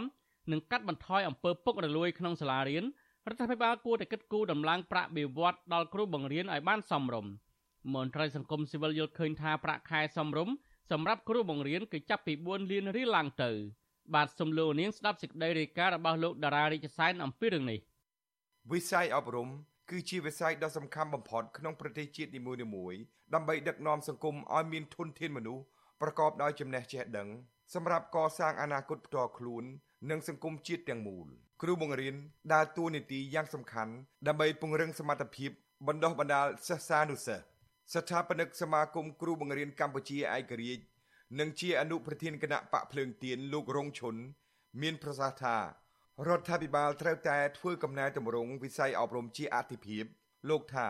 ចំណុចអាទិភាពទី1គឺត្រូវចាប់ផ្ដើមពីការដំឡើងប្រាក់ខែគ្រូបង្រៀនឲ្យសមាមាត្រទៅនឹងតម្រូវការនៃសេដ្ឋកិច្ចគ្រួសារលោកថាលោកគ្រូអ្នកគ្រូជាធនធានដ៏សំខាន់របស់រដ្ឋប៉ុន្តែបើប្រៀបធៀបប្រាក់ខែរបស់គ្រូបង្រៀនទៅនឹងប្រាក់ខែរបស់តំណាងរាស្ត្រមន្ត្រីកោជបនិងក្រុមប្រឹក្សាធម្មនុញ្ញគឺខុសគ្នាជាង10ដង លោករងឈុន ស្នើឲ្យរដ្ឋាភិបាលថ្មីគិតគូរដំឡើងប្រាក់ខែគ្រូបង្រៀនពី1លាន5សែនទៅ4លានរៀលយើងរដ្ឋាភិបាលត្រូវមានការលើកទឹកចិត្តទីមួយតាក់ទងទៅនឹងបញ្ហាប្រាក់ខែធ្វើម៉េចឲ្យគាត់ត្រូវរស់មួយខែហ្នឹងកុំឲ្យគាត់មានអារម្មណ៍គិតខ្វល់អំពីបញ្ហាជីវភាពបន្ទាប់ពីកិច្ចការចឹង ត្រូវតែឲ្យគាត់ផ្ដោតអារម្មណ៍ពីរឿងការបង្រៀនហើយមិនខ្វល់ពីរឿងថាអ្វីផ្សេងដោយសារតែនិវត្តលោកបន្តថា នៅពេលគ្រូបង្រៀនមានប្រាក់ខែខ្ពស់អំពើពុករលួយក្នុងវិស័យនេះ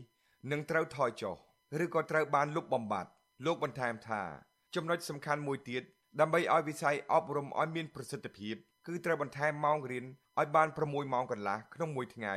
ដើម្បីឲ្យត្រូវស្តង់ដារបើប្រៀបធៀបទៅក្នុងប្រទេសក្នុងតំបន់ដូចជាប្រទេសថៃជាដើម ស្រដៀងគ្នានេះដែរប្រធានសមាគមគ្រូបង្រៀនកម្ពុជាឯករាជ្យអ្នកស្រីអុកឆាយវីមើលឃើញថាមូលហេតុដែលគ្រូគ្រូទៅធ្វើការងារនៅក្រៅឬក៏បង្រៀនគួរបន្ថែម ដោយហេតុថាប្រាក់បៀវត្សរបស់ពួកគេទាបលោកស្រីថាដើម្បីលើកកម្ពស់វិស័យអប់រំឲ្យមានគុណភាពប្រសើរឡើងរដ្ឋាភិបាលត្រូវតែដំឡើងប្រាក់ខែឲ្យបានសមរម្យនិយាយរួម ក្នុងបញ្ហាក្រសួងអប់រំនឹងត្រូវចេញមកអ្នកដែលមានទួនាទីដឹកនាំអឺខាងក្រសួងអប់រំហ្នឹងកុំឲ្យនៅក្រោមគណៈបកកណ្ដាលចាព្រោះអីយើងដឹងហើយថាទួនាទីអីអីទាំងគឺធ្វើឲ្យគាត់មានឱកាសក្នុងការគម្រាមកំហែងដល់បុគ្គលិកអប់រំទូទៅចា៎លោកស្រីបន្តថាដោយសារប្រាក់ខែទាបគ្រូបង្រៀនមួយចំនួនត្រូវប្រព្រឹត្តអំពើពុករលួយយកលុយពីសិស្ស ខ្លះបង្ខំសិស្សឲ្យរៀនបន្ថែមក្រៅម៉ោងជាមួយខ្លួនខ្លះលក់នំចំណីក្នុងថ្នាក់រៀនខ្លះទៀតត្រូវរកមុខរបរបន្ថែមក្រៅពីគ្រូបង្រៀនជាដើមដើម្បីរកប្រាក់ចំណូលបន្ថែមសម្រាប់ផ្គត់ផ្គង់គ្រួសារជុំវិញការស្នើសុំរបស់សង្គមស៊ីវិលនៅពេលនេះវិទ្យុអាស៊ីសេរីពុំអាចសុំការឆ្លើយតបពីរដ្ឋមន្ត្រីក្រសួងអប់រំយុវជន និងកីឡា លោកហងជួននរុននិងអ្នកនាំពាក្យក្រសួងអប់រំ លោកកាន់ពុទ្ធី និងអ្នកស្រីខួនវិជ្ជការបានទេនៅថ្ងៃទី9តុលា លោកនាយករដ្ឋមន្ត្រីហ៊ុនម៉ាណែតលើកឡើងនៅក្នុងពិធីប្រារព្ធទិវាគ្រូបង្រៀនជាមួយមន្ត្រីរាជការនៅក្នុងរាជធានីភ្នំពេញកាលពីថ្ងៃទី5តុលាបដិញ្ញាកែលម្អប្រព័ន្ធអប់រំឲ្យបានល្អប្រសើរឡើង ជាងពេលបច្ចុប្បន្នក្នុងនោះ មានការដំឡើងប្រាក់ខែដល់គ្រូបង្រៀនផងដែរទោះជាយ៉ាងណា បច្ចុប្បន្នប្រាក់ខែគ្រូបង្រៀនពីកម្រិតបឋមដល់ឧត្តមសិក្សា មានចន្លោះពី1លាន2សែនរៀល ដល់ជាង2លាន1សែនរៀលក្នុងមួយខែប៉ុណ្ណោះខ្ញុំដារ៉ារេជីសែន With you Azizray ទីក្រុង Adelaide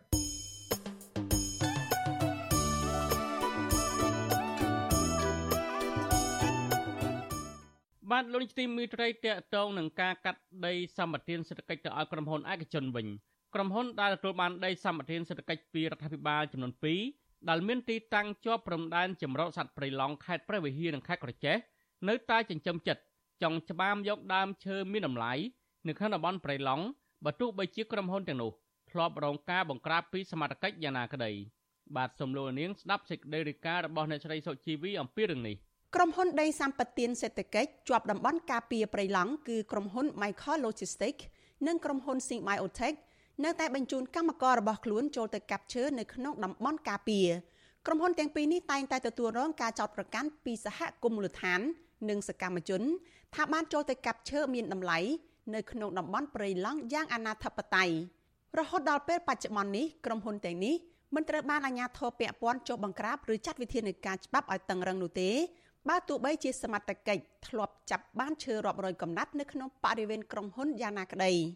សមាជិកបណ្ដាញសហគមន៍ព្រៃឡង់ខេត្តព្រះវិហារលោកស្រីទីនដែលតែងតែចុះស្រាវជ្រាវស៊ើបអង្កេតនិងបង្ហាញភស្តុតាងអំពីការកាប់ឈើខុសច្បាប់នៅក្នុងតំបន់ព្រៃឡង់ប្រាប់វិទ្យុអាស៊ីសេរីនៅថ្ងៃទី9ខែតុលាថាក្រុមហ៊ុន Michael Logistics នៅតែបន្តបោះទីតាំងក្នុងបរិវេណក្រុមហ៊ុន PNT និងមានគំនរឈើជាច្រើនម៉ែត្រគីបនៅទីនោះដែលមន្ត្រីធ្លាប់អះអាងថាជាឈើស្របច្បាប់ទោះជាយ៉ាងណាសកម្មជនរូបនេះនៅតែអះអាងថាក្រុមហ៊ុនមួយនេះ នៅតែមានចិត្តនិងគោលបំណងចង់ច្បាមយកឈើមានតម្លៃនៅក្នុងតំបន់ព្រៃឡង់ថែមទៀតទើបរោងសិប្បកម្មនិងកម្មកររបស់ក្រុមហ៊ុននេះមានវត្តមាននៅទីនោះ។កន្លងមកនិយាយទៅដូចជាមន្ត្រីពាក់ព័ន្ធក៏ដូចជានឹងអាជ្ញាធរភូមិឃុំក៏គាត់អត់មានវិធានការដូចចុះបង្ក្រាបឬក៏ទប់ស្កាត់បាត់ល្មើសមានកន្លងមកពួកខ្ញុំឃើញគឺមន្ត្រីបរិស្ថានដូចខាងបាត់ល្មើសនិយាយគឺមានតែការ យកសំណុកសោកប៉ាន់ពីក្រុមហ៊ុនក្រុមហ៊ុន Marcol Logistics នឹងមិនមែនជាការកាប់តិចទេគឺមានការកាប់ច្រើនតាំងពីឆ្លីស្ក្រមតាំងពីឈើតាប់ស្លោហើយជាគ្នាបជាអីដឹកនឹងលោកបន្ថែមថាក្រុមហ៊ុន Michael Logistics មិនត្រូវបានបង្ក្រាបឬក៏អនុវត្តច្បាប់ជាដុំកំភួនអ្វីនោះទេដោយសារតែពួកគេហាក់បានដឹងដំណឹងពីការចុះបង្ក្រាបរបស់អាជ្ញាធរជាមុនស្រដៀងគ្នានេះដែរបណ្ដាញសហគមន៍ព្រៃឡង់ខេត្តក្រចេះលោកឯកបណ្ណា សោកស្ដាយនៅពេលដែលឃើញក្រុមឈ្មួញដែលមានងារជាអុកញ៉ានិងអ្នកមានអំណាចកាប់បំផ្លាញព្រៃឈើដែលជាសម្បត្តិជាតិលោកបន្ថែមថាអាជ្ញាធរមានភាពកំសោយក្នុងការអនុវត្តច្បាប់ទៅលើក្រុមជនល្មើសទាំងនោះទើបមានការកាប់ឈើនៅក្នុងតំបន់ព្រៃឡង់នៅតែបន្តកើតមានឥតឈប់ឈរអឺ ក្នុងនាមខ្ញុំជាបណ្ដាញសហគមន៍គឺយើងនៅតែមានការព្រួយបារម្ភថាចំណាត់ការរបស់មន្ត្រីគាត់នៅតែមានភាពធូររលុងអញ្ចឹងណាបើសិនថានៅតែមានភាពធូររលុងហើយអឺបណ្ដោយឲ្យអុកញ៉ាំញ៉ាឬក៏អ្នកធំធំអាចធ្វើបានអញ្ចឹងធ្វើត្រង់ត្រីធំអញ្ចឹងគឺបើសិនថារលាយគឺ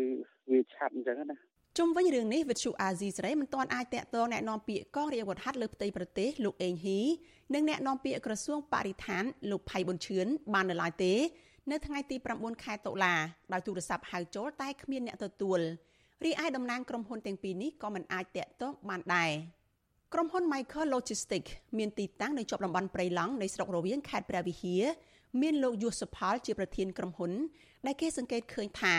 លោកតែងតែភ្ជាប់ខ្លួនជាមួយនឹងមន្ត្រីជាន់ខ្ពស់របស់រដ្ឋាភិបាលនិងមេបញ្ជាការកងអង្គរៈការពីអតីតនាយករដ្ឋមន្ត្រីលោកហ៊ុនសែនគឺលោកហ៊ីងប៊ុនហៀងក្រុមហ៊ុននេះត្រូវបានក្រសួងកសិកម្មរុក្ខាប្រមាញ់និងនេសាទកាលពីថ្ងៃទី26ខែមិថុនាឆ្នាំ2020អនុញ្ញាតឲ្យកាប់ប្រមូលអនុផលព្រៃឈើនៅក្នុងតំបន់2តំបន់3និងតំបន់4នៃដីសម្បត្តិសេដ្ឋកិច្ចរបស់ក្រុមហ៊ុន PNT រីឯក្រុមហ៊ុន Sing Biotech ក៏ទទួលបានដីសម្បត្តិសេដ្ឋកិច្ចពីរដ្ឋាភិបាលចាស់ ប្រមាណជាង10000ហិកតា នៅក្នុងស្រុកសម្បូរខេត្តក្រចេះកាលពីឆ្នាំ2018ក្រុមហ៊ុននេះមានប្រធានជាជនជាតិតៃវ៉ាន់ឈ្មោះលូឈូឆាងនិងមានជនជាតិខ្មែរចំនួន2រូបជាម្ចាស់ពិហ៊ុនជាមួយក្នុងនោះមានលោកអុកញ៉ាជាពៅជាប្អូនប្រុសបង្កើតរបស់លោកជាវុធីបច្ចុប្បន្នជាអគ្គនាយករងនៃក្រមប្រឹក្សាអភិវឌ្ឍកម្ពុជា និងកញ្ញាជាសង្ឃធីតាត្រូវជាកូនបង្កើតរបស់លោកជាវុធីផងដែរកន្លងទៅសហគមន៍និងសកម្មជនបរិស្ថានរកឃើញថាក្រុមហ៊ុនទាំងពីរនេះ ប្រមូលឈើកម្រដែលមានតម្លៃនៅក្នុងដែនជម្រកសត្វព្រៃព្រៃឡង់យកទៅលក់បន្តឲ្យក្រុមហ៊ុនអង្គរ Flywood ដែលមានលោកជាពៅជាប្រធានក្រុមហ៊ុនហើយកំពុងធ្វើអាជីវកម្មឈើយកទៅលក់នៅក្រៅប្រទេសជាពិសេសប្រទេសវៀតណាមចិននិងនៅហុងកុងជុំវិញរឿងនេះមន្ត្រីសម្របសម្រួលគម្រោងនៃសមាគមបណ្ដាញយុវជនកម្ពុជា CYN លោកអូឡាទីលើកឡើងថាក្រុមហ៊ុនទាំងពីរនេះនៅតែបន្តឲ្យក្រុមកម្មកររបស់ខ្លួនចូលទៅកាប់ឈើនៅក្នុងតំបន់ការពារជាហូហែ បើទោះបីជារដូវនេះផ្លូវពិបាកដឹកជញ្ជូនយ៉ាងណាក្តីលោកបន្ថែមថាមន្ត្រីរដ្ឋាភិបាលនៅតែគ្មានឆន្ទៈក្នុងការការពារព្រៃឈើនៅតំបន់ព្រៃឡង់ និងមិនព្រមអនុវត្តច្បាប់ឲ្យបានតឹងរឹងទៅលើក្រុមអក្រិតជនទាំងអស់នោះបើទោះបីជាមន្ត្រីពាក់ព័ន្ធចុះបង្ក្រាបបានឈើរាប់រយដើមនៅក្នុងបរិវេណក្រុមហ៊ុនទាំងអស់នោះក៏ដោយវាមិនស៊ីគ្នាជាមួយនឹងសកម្មភាពរបស់រដ្ឋាភិបាលទៅលើការអនុវត្តជាក់ស្ដែងទេព្រោះការអនុវត្តជាក់ស្ដែងហាក់បីដូចជាបង្ហាញអំពីជំហរក្នុងការចង់ការពារព្រៃឡង់ដែរក៏ប៉ុន្តែ នៅពេលដែលសហគមន៍ដែលគាត់ជាប្រជាពលរដ្ឋមូលដ្ឋាននៅគៀកព្រៃនឹងគាត់តែងតែចូលទៅធ្វើការការពារព្រៃរាយការណ៍ពីបញ្ហាបទល្មើសបែរជាមានការហាមឃាត់មានការរារាំងពួកគាត់មិនអោយចុះទៅធ្វើការទប់ស្កាត់បទល្មើសកាលពីឆ្នាំ2020អង្គការគំនិតព្រួយផ្ដើមសកលប្រឆាំងក្រិតកម្មឆ្លងដែនបានចេញរបាយការណ៍មួយដែលរកឃើញការបាត់បង់គម្របដើមឈើនៅក្នុងទំហំជិត6សែនហិកតា ដែលស្មើនឹងជិត12% នៃតំបន់ការពារធម្មជាតិរបស់កម្ពុជា នៅចន្លោះពីឆ្នាំ2001ដល់ឆ្នាំ2018ក្នុងរបាយការណ៍នោះក៏បានរំលេចឈ្មោះក្រុមហ៊ុនរកស៊ីឈើចំនួន5រួមមានក្រុមហ៊ុន Sing Biotech ក្រុមហ៊ុនអង្គរ Flywood ក្រុមហ៊ុនសំអឿនសវណ្ណនិងក្រុមហ៊ុនធីងាអភិវឌ្ឍដែនជំរកសត្វព្រៃព្រៃឡង់មានផ្ទៃដីទំហំជាង400,000ហិកតាគ្របដណ្ដប់ក្នុងភូមិសាស្ត្រខេត្តចំនួន4 មានខេត្តក្រចេះខេត្តស្ទឹងត្រែងខេត្តព្រះវិហារនិងខេត្តកំពង់ធំត្រូវបានរដ្ឋាភិបាលបង្កើតជាតំបន់ដែនជម្រកសត្វព្រៃនៅក្នុងឆ្នាំ2016នាងខ្ញុំសុជីវី With you Azizi Serai ពីរដ្ឋធានី Washington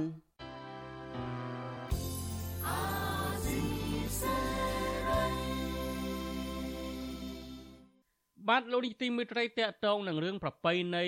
របៀបរបបរស់នៅរបស់ជនជាតិដើមភាគតិចនៅខេត្តមណ្ឌលគិរីឯនេះវិញសង្គមស៊ីវិលនិងប្រជាពលរដ្ឋរស់នៅក្នុងខេត្តមណ្ឌលគិរីព្រួយបារម្ភអំពីការរៀបការវ័យក្មេងរបស់ស្ត្រីជនជាតិដើមភាគតិចដែលធ្វើឲ្យពួកគាត់ប្រឈមនឹងបញ្ហាជាច្រើនការព្រួយបារម្ភនេះធ្វើឡើងបន្ទាប់ពីស្ត្រីជនជាតិដើមភាគតិចមួយចំនួនក្នុងខេត្តមណ្ឌលគិរីបោះបង់ការសិក្សាដើម្បីប្រឡូកក្នុងជីវិតគូទាំងមិនគ្រប់អាយុផង បាទសូមលោកនាងស្ដាប់សេចក្តីរាយការណ៍របស់លោកលេងម៉ាលីដែលរៀបរាប់អំពីជនជាតិដើមភាគតិចរៀបការកូនប្រុសស្រីទាំងវ័យក្មេងខុសប្លែកពីក្មេងស្រីនៅទីក្រុង ដែលមានឪពុកម្ដាយជាអ្នកទំនុកបំរុងនិងមានឱកាសច្រើនក្នុងការរៀនសូត្ររីឯក្មេងស្រីជនជាតិដើមភាគតិចមួយចំនួន នៅខេត្តមណ្ឌលគិរីបែរជារៀបការទាំងវ័យក្មេងដើម្បីជួយសម្រាលបន្ទុកឪពុកម្ដាយទៅវិញ មន្ត្រីសម្របសម្រួលសមាគមអាតហុកប្រចាំខេត្តមណ្ឌលគិរីលោកប៊ីវ៉ានីប្រាប់វិទ្យុអស៊ីសេរីថាលោកបារម្ភចំពោះអនាគតរបស់ជនជាតិដើមភាគតិចដែលពួកគាត់ឆាប់រៀបការទាំងវ័យក្មេងបែបនេះអាចធ្វើឲ្យប៉ះពាល់ដល់ការអភិវឌ្ឍធនធានមនុស្សក្នុងប្រទេសលោកបន្តថាកត្តាដែលជំរុញឲ្យពួកគាត់ឆាប់រៀបការគឺដោយសារតែកត្តាជីវភាព ការអប់រំនិងជំនឿសាសនា ដែលធ្វើឲ្យពួកគាត់មិនសូវខ្វាយខ្វល់អំពីអនាគត និងការធ្លាក់ក្នុងវិបត្តិសេដ្ឋកិច្ចលោកប៊ីវ៉ានីសង្កេតឃើញថាភាគច្រើននៃក្មេងស្រីដែលឆាប់រៀបការទាំងនោះ មានអាយុចន្លោះចាប់ពី13ឆ្នាំដល់16ឆ្នាំដែលពួកគាត់ងាយប្រឈមនឹងបញ្ហាអំពើហិង្សាក្នុងគ្រួសារនិងបញ្ហាសុខភាពជាដើម ខាងសហគមន៍មានថាមិនដឹងទេគាត់ដឹងថាគាត់ថាប៉ះពាល់ប៉ុន្តែវិធានការគាត់ថាយើងបបាក់បបាក់ដោយសារអីគេស្រឡាញ់គ្នាហើយនឹងបបាក់រៀងៗខ្លាចគាត់ទៅចងកទៅអីចឹងទៅអានឹងជាការអង្គរបស់សហគមន៍ណាពេលដែលយើងសួរតើតើយើងគួរទប់ស្កាត់យ៉ាងម៉េចដើម្បីកុំឲ្យគាត់រៀបការវ័យក្មេងហ្នឹងប៉ុន្តែជាគោលការណ៍យើងគ្មានអីក្រៅពីទី1គឺគឺយើងអប់រំសព្វផ្សាយណែនាំនឹងឲ្យផ្សេងអាជ្ញាធរគ្រូបង្រៀននៅស្រុកពេជ្ររេដាឃុំក្រងតេះអ្នកគ្រូឡាំស្រីណាតរៀបរាប់ថា ក្នុងសហគមន៍ដែលអ្នកគ្រូរស់នៅ ក្នុងមួយឆ្នាំមានក្មេងស្រីយ៉ាងហោចណាស់5ទៅ6គូដែលឆាប់រៀបការទាំងវ័យក្មេងក្នុងនោះក៏មានប្អូនស្រីរបស់អ្នកគ្រូម្នាក់ដែរអ្នកគ្រូបន្តថាក្មេងស្រីមួយចំនួនត្រូវបានឪពុកម្ដាយបង្ខំឲ្យរៀបការដោយសារពួកគាត់យល់ឃើញថាការរៀបការគឺជាការដោះស្រាយបន្ទុកនៅក្នុងគ្រួសារនិងរួមផ្សំជាមួយជំនឿពីបុរាណមកថាក្មេងស្រីអាយុលើសពី20ឆ្នាំ គឺចាត់ទុកជាក្រមុំសៅកែឬក្រមុំចាស់ចង់ឃើញហើយក៏ចង់មានវិបការចុះផ្សព្វផ្សាយពីកិច្ចការវ័យក្មេងនឹងដែរខាងស្ថាប័នក៏អង្គការផ្សេងៗចុះពីផ្សព្វផ្សាយពីផលវិបាកនៃការរៀបការនឹងវ័យក្មេងនឹងដែរអ្នកគ្រូឡាំស្រីណាតក៏សម្គាល់ថាចាប់តាំងពីប្អូនស្រីរៀបការមកធ្វើឲ្យពួកគាត់រស់នៅមិនសូវចុះសម្រុងគ្នានិងតែងតែបង្កអំពើហិង្សានៅក្នុងគ្រួសារជាដើម ជាពិសេស គឺពួកគាត់មិនសូវយល់អំពីរបៀបនៃការថែទាំកូនឡើយខ្ញុំមានប្អូនខ្ញុំម្នាក់ដែរគាត់រៀបការនៅក្មេងចឹងពេលបារម្ភពីអនាគតគាត់ដូចឥឡូវអីកូនឈឺក៏គាត់មិនសូវចេះមើលថែចឹងហ្មងហើយឥឡូវក៏ពិបាករកកន្លែងរកស៊ីទៀតឈឺស្កាត់អីទៅគឺអត់មានលុយទេខ្ញុំពិបាកក្នុងការកសាងគ្រួសារហ្មងហើយគាត់អត់សូវយល់ដឹងពីរបៀបគាត់បានតែយកគ្នាមែនឬអត់យល់ដឹងពីអនាគតកូនហើយអនាគតខ្លួនឯងក្រៅពីជនជាតិដើមភាគតិចនៅខេត្តមណ្ឌលគិរី ដែលមានអត្រាអ្នករៀបការនៅវ័យក្មេងហើយនោះនៅក្នុងខេត្តរតនគិរីវិញក៏ប្រឈមនឹងបញ្ហានេះដូចគ្នាដែរកាលពីខែតុលាឆ្នាំ2020អង្គការ Plan អន្តរជាតិកម្ពុជារកឃើញថានៅក្នុងខេត្តរតនគិរីមានអ្នករៀបការមុនអាយុ18ឆ្នាំប្រមាណ48%និងមុនអាយុ15ឆ្នាំមាន8%និងនៅខេត្តស្ទឹងត្រែង មានក្មេងស្រី25%រៀបការមុនអាយុ18ឆ្នាំ។ វិទ្យុអស៊ីសេរីមិនអាចតាក់ទងប្រធានមន្ទីរកិច្ចការនារីប្រចាំខេត្តមណ្ឌលគិរីអ្នកស្រីម៉ាលីសុកនីដើម្បីសុំការបកស្រាយជុំវិញបញ្ហានេះបានទេ ដោយអ្នកស្រីតបយ៉ាងខ្លីថារវល់ជាប់ប្រជុំជុំវិញបញ្ហានេះអ្នកសម្របសម្រួលកម្មវិធីអប់រំនិង Gender នៃអង្គការ Confrel អ្នកស្រីសឿនកេតសេរីលក្ខមានប្រសាសន៍ថារដ្ឋាភិបាលនិងក្រសួងពាក់ព័ន្ធទាំងអស់គួរតែចុះផ្សព្វផ្សាយអំពីផលវិបាកនៃការរៀបការវ័យក្មេងនេះ ដល់សហគមន៍ជាពិសេសស្រុកឃុំដែលនៅដាច់ស្រយាលពីទីប្រជុំជន ដើម្បីឲ្យពួកគាត់បានយល់ដឹងអំពីបញ្ហានេះអ្នកស្រីបន្តថាការអនុវត្តច្បាប់ធូររលុងក៏ជាកត្តាធ្វើឲ្យអត្រាអ្នករៀបការវ័យក្មេងកើនឡើងដែរដូច្នេះរដ្ឋាភិបាលគួរតែអនុវត្តច្បាប់ឲ្យបានតឹងរឹងដើម្បីទប់ស្កាត់បញ្ហានេះ ភាពក្រីក្រហើយនឹងប្រពៃណីទំនៀមទម្លាប់ផងហើយនឹងដើម្បីការពារកូនឲ្យចាក់ផុតពីការរំលោភបំពានហ្នឹងផលប៉ះពាល់ហ្នឹងយើងឃើញថាដូចទី1តកតូននឹងសុខភាពបន្តពូជស្ត្រីហ្នឹងនៅពេលដែលគាត់បង្កើតកូនហ្នឹងវាអាចធ្វើឲ្យមានគ្រោះថ្នាក់ដល់ជីវិតអីស្លាប់អីនឹងមានមានកម្រិតនៃហានិភ័យខ្ពស់មែនទែនចំពោះគាត់ហ្នឹងដោយសារគាត់នៅវ័យក្មេងហើយរឿងសំខាន់គឺសិទ្ធិដែលគាត់បានរៀនសូត្រពេញលេញហ្នឹងត្រូវបានបោះបង់ចោលច្បាប់ស្ដីពីអាពាហ៍ពិពាហ៍និងគ្រួសារ ត្រង់ចម្ពោះទី1មាត្រា5ចែងថា មនុស្សប្រុសស្រីអាចរៀបអាពាហ៍ពិពាហ៍បានបុរសចាប់ពីអាយុ20ឆ្នាំឡើង និងនារីចាប់ពីអាយុ18ឆ្នាំឡើងប៉ុន្តែករណីពិសេសដែលបុរសមិនទាន់គ្រប់អាយុ20ឆ្នាំ និងនារីមិនទាន់គ្រប់អាយុ18ឆ្នាំអាចរៀបអាពាហ៍ពិពាហ៍ស្របច្បាប់បានប្រសិនបើនារីមានផ្ទៃពោះហើយមានការអនុញ្ញាតពីឪពុកម្ដាយឬអាណាព្យាបាល មន្ត្រីសង្គមស៊ីវិលនិងពលរដ្ឋប្រឆាំងនឹងការរៀបការនៅវ័យក្មេងលើកឡើងថា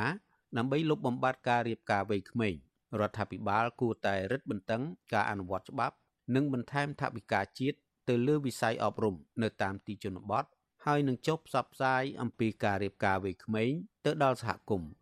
ខ្ញុំបាទលេងម៉ាលី With you Assisary Washington